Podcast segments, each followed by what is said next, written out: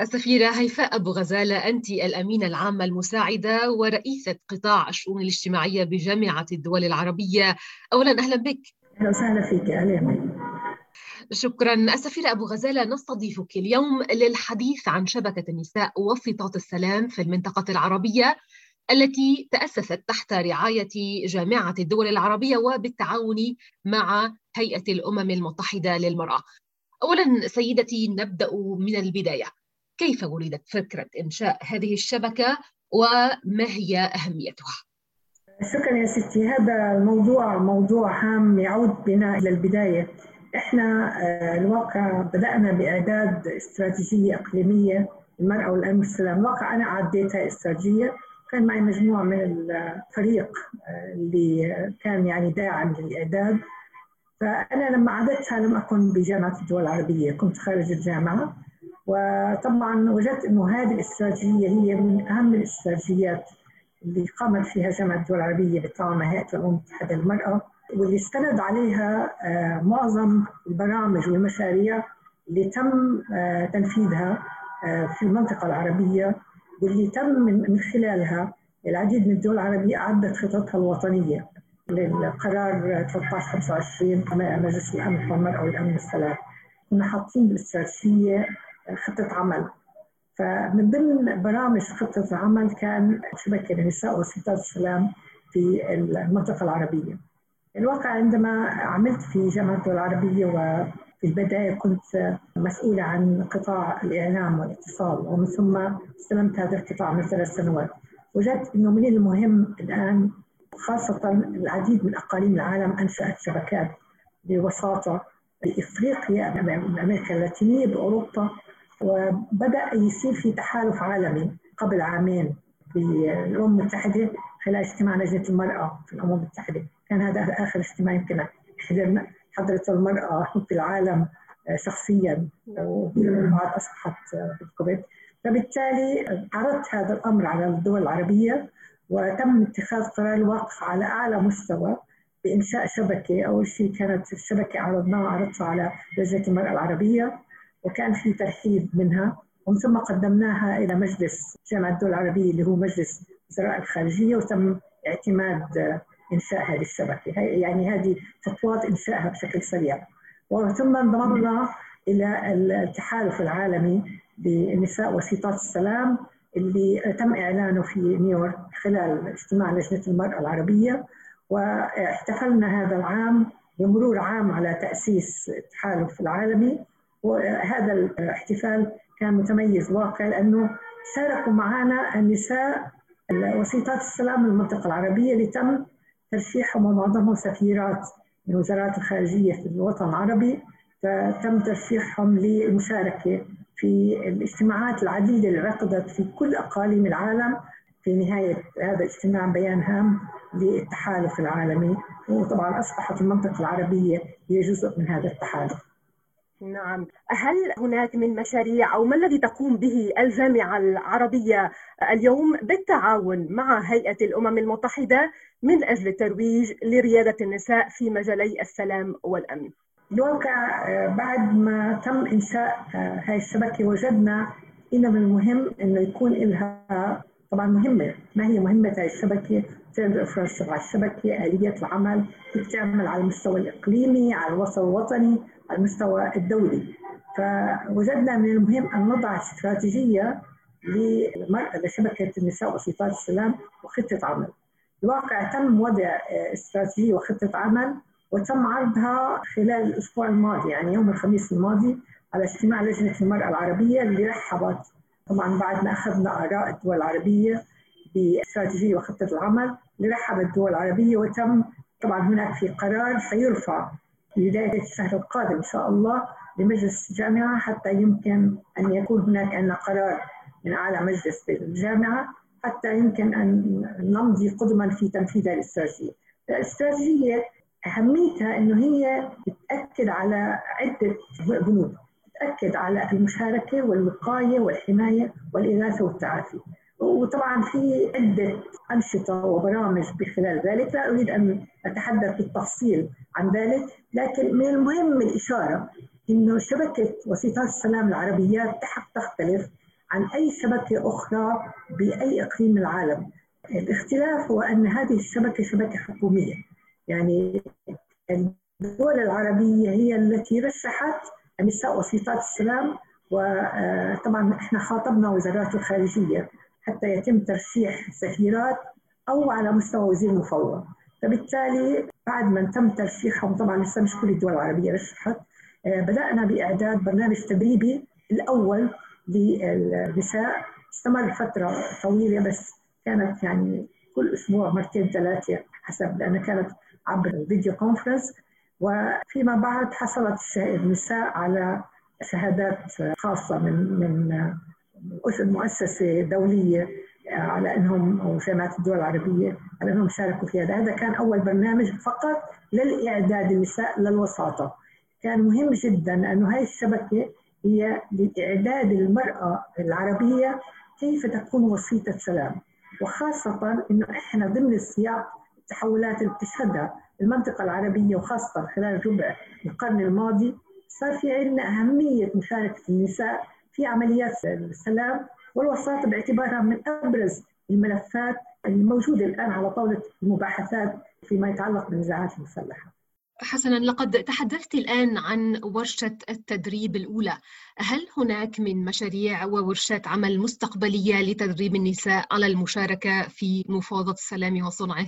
طبعا بخلال خطة العمل اللي وضعناها في الاستراتيجية طبعا إحنا كنا ننتظر خطة العمل والاستراتيجية يتم إقرارها. طبعا في بداية الشهر القادم إن شاء الله سيتم إقرارها.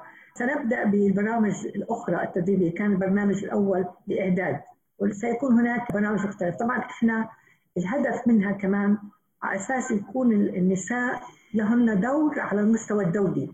يعني حتى مفاوضات السلام ليست في منطقتنا في أي منطقة بالعالم ممكن الاستعانة بالنساء وسيطات السلام. هلأ كل هذه على المستوى الإقليمي إحنا طبعا خطتنا إنه الدولة التي تريد أن تنشئ شبكة وطنية ممكن للدولة من خلال الوسيطة الموجودة بإكس دولة مثلا إنها تنشئ شبكة وطنية. واقترحنا بالاستراتيجية آلية إنشاء هذه الشبكة الوطنية واقترحنا ما هي المؤسسات اللي ممكن أن تكون عضو في هذه الشبكة الوطنية. يصير في كل دولة عندها نواة لوسيطات سلام ليس فقط عضو من كل دولة إنما كل دولة بتكبر بصير في عندها مجموعة من البصائر. فإحنا هيك بكون عندنا من 22 دولة عندنا ممكن تكون في عندنا عدد ضخم جدا يصل إلى 100 ويكبر هذا العدد. فبالتالي الهدف عندنا أنه المرأة لها دور هام جدا في عملية السلام خاصة في منطقتنا اللي تشهد أكثر منطقة في العالم هي فيها نزاعات وصراعات وتشهد تحولات كبيرة جدا. نعم سيدة هيفاء بشكل عام كيف تهتم جامعة الدول العربية بتحسين أوضاع المرأة في المنطقة وما هي البرامج القائمة في هذا المجال؟ طبعا الأمانة العامة جامعة الدول العربية تقوم ببرامج عديدة. إحنا ملف المرأة لا يختص فقط بإدارة المرأة والأسرة والطفولة. هذا الملف يتقاطع مع ملفات عديدة. ملف الطفولة ملف الأسرة ملف التنمية الاجتماعية ملف اللاجئين ملف الصحة ملف التعليم. هذه كلياتها في تحت إطار القطاع الاجتماعي اللي أنا برأس هذا القطاع. فأنا بجد في معظم الأحيان أنه عملنا يتقاطع مع جميع الإدارات الموجودة في الأمانة العامة وفي القطاع الاجتماعي. فبالتالي إحنا عندنا برامج عديدة، في عندنا برامج تتعلق ب طبعا إضافة للمرأة والامن والسلام، بالواقع هذا البرنامج إحنا ننفذه بالتعاون مع هيئة الأمم المتحدة للمرأة، وأنا كنت اليوم في لقاء خاص مع المديرة الإقليمية الجديدة التي تعينت لهذا للمنطقة العربية وكنا نتحدث عن خطة العمل التي تقوم بإعدادها. هيئة الأمم المتحدة المرأة وما هي أولويات المنطقة العربية؟ فوضعنا عدة أولويات. أهمها المرأة والأمن والسلام أحد الأولويات. العنف ضد المرأة وهذا ملف نعمل فيه أيضا بالتعاون مع النساء العربيات وهيئة الأمم المتحدة للمرأة. وأيضا ملف آخر أضفته إلى الملفات ملف التمكين الاقتصادي للمرأة. الآن إحنا لسه ما زلنا ما حصل بالمنطقة العربية من تأثيرات أثرت على جهود التنمية. فبالتالي العديد من جهود التنمية اللي قامت فيها المنظمات الدولية والحكومات العربية ومنظمات الأمم المتحدة وغيرها ومنظمات المجتمع المدني كلها دمرت يعني في العديد من الدول اللي شهدت نزاعات ما تم صرفه على جهود التنمية كلها دمرت فبالتالي إحنا كيف يمكن أن نعيد تعافي لجهود التنمية في المنطقة والمرأة خاصة بدورها بشكل كبير جدا؟ فالآن إن شاء الله سنبدأ بإعداد إحنا عندنا برنامج تمكين اقتصادي ومبادرة سميناها خديجة. تيمنا بستنا خديجة كانت أول سيدة اشتغلت بالتجارة. فبالتالي هذه المبادرة آه، سنقوم الان بإعداد برنامج حتى يمكن اقليمي لتعزيز المشاركة النسائية وخاصة أثرت علينا نزاعات الصراع وجاءت طبعا جائحة كوفيد لتؤثر أكثر على المنطقة العربية وخاصة النساء في المنطقة العربية. وإحنا بتذكر خلال الجائحة عددنا تقرير خاص حول جهود الدول العربية وحول جهود الأمانة العامة خلال كوفيد 19 وكانت طبعا هامة جدا الاطلاع على ماذا تقوم حتى يمكن أن نتعلم من بعضنا البعض ونستفيد من خبرات وتجارب الدول العربية مع بعضها البعض. بالإضافة لذلك في عندنا برامج أخرى آه، نعمل عليها في الجامعة في عندنا طبعا خلال الاستراتيجيه عددنا أيضا لجنة بالطوارئ والآن إحنا بصدد آه، تقريبا انتهاء من استراتيجية لجنة الطوارئ. هذه اللجنة لجنة هامة تم إطلاقها عام 2015 وهي لجنة لحمايه النساء أثناء النزاعات المسلحة بالمنطقة العربية. والآن آه، بدأنا بالعمل على إعداد استراتيجية وخطة عمل لهذه اللجنة. فبالتالي يعني عمل القطاع وعمل بملف المرأة عمل كبير جدا وكما ذكرت هو يتقاطع مع ملفات عديدة في جامعة الدول العربية. نعم. آه، سيدة هيفاء تحدثت عن الصراعات. بالفعل تواجه منطقتنا العربية مزيجا معقدا من الصراعات. العديد منها عبارة عن حروب أهلية على الرغم من أنها تزداد تعقيدا بسبب التدخل الخارجي.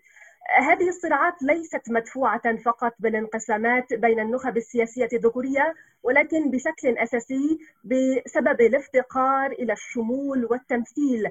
برأيك ما هو النهج المطلوب الآن لحل الأسباب الجذرية لتلك الصراعات؟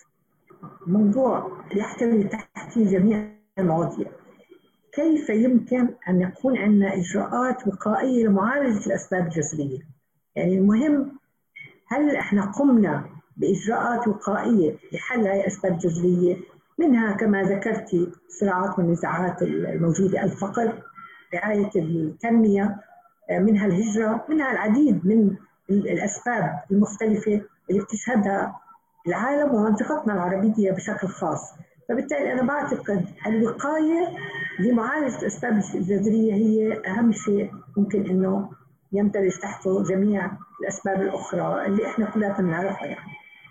نعم ساعدت سفيرة لجنة الحكماء بالأمم المتحدة ما يعرف ب The Elders التي ترأسها حاليا رئيسة أيرلندا السابقة ماري روبنسون دعت بمناسبة الذكرى العشرين للقرار 1325 المعني بالمرأة والسلام والأمن دعت قادة الدول العربية إلى تبني قضية إشراك المرأة في صنع السلام. وقالت إن ذلك لا يعد خدمة للنساء بل منفعة عامة لبلدانهن. ما هو رأيك أولا في دعوة لجنة الحكماء؟ وما الذي تقولينه أنت لقادة الدول العربية؟ أنا بعتقد الدعوة اللي, اللي أطلقتها رئيسة لجنة الحكماء دعوة هامة جدا. ليس فقط لإشراك المرأة قادة العالم هم ليس فقط إحنا بدنا المرأة كما نقول زي الكحول بالعين. إحنا المرأة لأنه هي لها دور هام في خلال مسارة هم يحتاجوا لدور المرأة. يعني هناك في احتياج لهذا الدور الهام الذي تقوم فيه المرأة. ليس فقط عندما يقولون لأنه هي تعرف احتياجات المرأة لا هي تعرف احتياجات المجتمع. لأنه هي جزء من المجتمع. لا نقول فقط لأنه هي لازم تكون تعرف احتياجات المرأة أنا أقول لأنه هي جزء من المجتمع. وتعرف ما هي الاحتياجات الموجودة في المجتمعات. طبعا لجنة الحكومات لأن هي بتعمل مع مع القادة من خلال وسائل مختلفة تعمل مع منظمات المجتمع المدني وبتعمل من خلال إرسال رسائل لوبينج تأثير على القادة اجتماعات فالمبادرة هي مبادرة هامة لأن حتى الشخصيات اللي بتمثلها كلها شخصيات سياسية لها خبرات في مجالات مختلفة. فأنا بعتقد هاي اللجنة يمكن انها تلعب دور كبير جدا في هذا المجال في مجال الأمن والسلام وفي مجال الوساطة للتأثير. وأنا بدعوهم يكون هناك تأكيد في جميع رسائلهم للقادة بالعالم أنه يجب أن تكون النساء دائما جزء من طاولة المفاوضات وليس إضافة. هم جزء من طاوله المفاوضات في كل دولة وليس إضافة لأنه إحنا نريد سيدة. أنا في بعض الأحيان كانت تتصل في بعض البعثات موجودة في المنطقة العربية إذا بترشحين النساء يكونوا معنا لأنه ما في نساء. فأنا كان ردي إنه ليس فقط إنه ما بدكم نساء. يعني ضروري تكون نساء. ليس فقط لأنه أنتم تريدوا امرأة على حتى يقول أي مبعوث إنه أنا عندي نساء. على طاولة الفوضات إنما هي حاجة لوجود المرأة على طاولة الفوضات وإذا قدرنا يكون في عندنا نصف على الاقل من عدد يكون رائع بس مش امرأة واحدة. لكن المرأة الآن في الوساطة وآخر وساطة كانت في ليبيا أثبتت لها دور كبير جدا. كان لها دور متميز بواقع النساء. فبالتالي أنا بعتقد ما أطلقته رئيسة لجنه الحكماء رسالة هامة جدا. وأخيرا سيدتي إذا كان هناك من رسالة أو نصيحة تتوجهين بها إلى المرأة العربية فماذا تقولين لها؟ أنا بعتقد إن المرأة العربية يعني أنا دائما أقول إحنا في منطقتنا العربية كثير أحيانا نجلد نفسنا. يعني دائما نختار دائما نفكر بالسلبيات. ما هي التحديات أمامنا؟ لكن ما بنفكر ما هي الأدوار اللي إحنا ممكن نقوم فيها؟ ما هي الحقوق اللي اكتسبتها المرأة؟ ودائما أنا بقول محطة هامة جدا أقيس عليها. ما اكتسبته المرأة اللي هي بجيل ال 95 لما عددنا تقرير الاقليمي إحنا ومنظمات الأمم المتحدة حول بيجين plus 25 إحنا عددنا على فكرة كمان آه، تقرير آه، أصدرناه قبل شهرين حول سيداو plus 40 والآن نعد تقرير حول CRC plus 20 فبالتالي هناك العديد من الإنجازات. يعني نبدأ دائما بالإنجازات التي حققت حتى يعني نكون إحنا سعيدين إنه كيف يمكن نضيف لهذه الإنجازات والآخر تحديات هي موجودة ليس فقط بملف المرأة ملف المجتمع. موجود تحديات سياسية واقتصادية واجتماعية وغيرها. فبالتالي أنا بعتقد كمان مهم جدا ننظر إلى الجانب الاجتماعي. فالمرأة العربية يعني أثبتت وجودها أثبتت دورها في جميع المستويات. من الضروري أن تفتخر المرأة العربية بما وصلت إليه من جهد. هي قامت فيه بالعديد من الملفات. فأنا يعني بحيي المرأة العربية هي رسالتي نعم شكرا سيدة هيفاء. شكرا على كل الجهود الجهود التي تقومين بها من خلال جامعة الدول العربية لإشراك المرأة وتدريبها على صنع السلام. آه، شكرا جزيلا على كل ما تفضلت به وإلى لقاء قريب. شكرا يا ستي.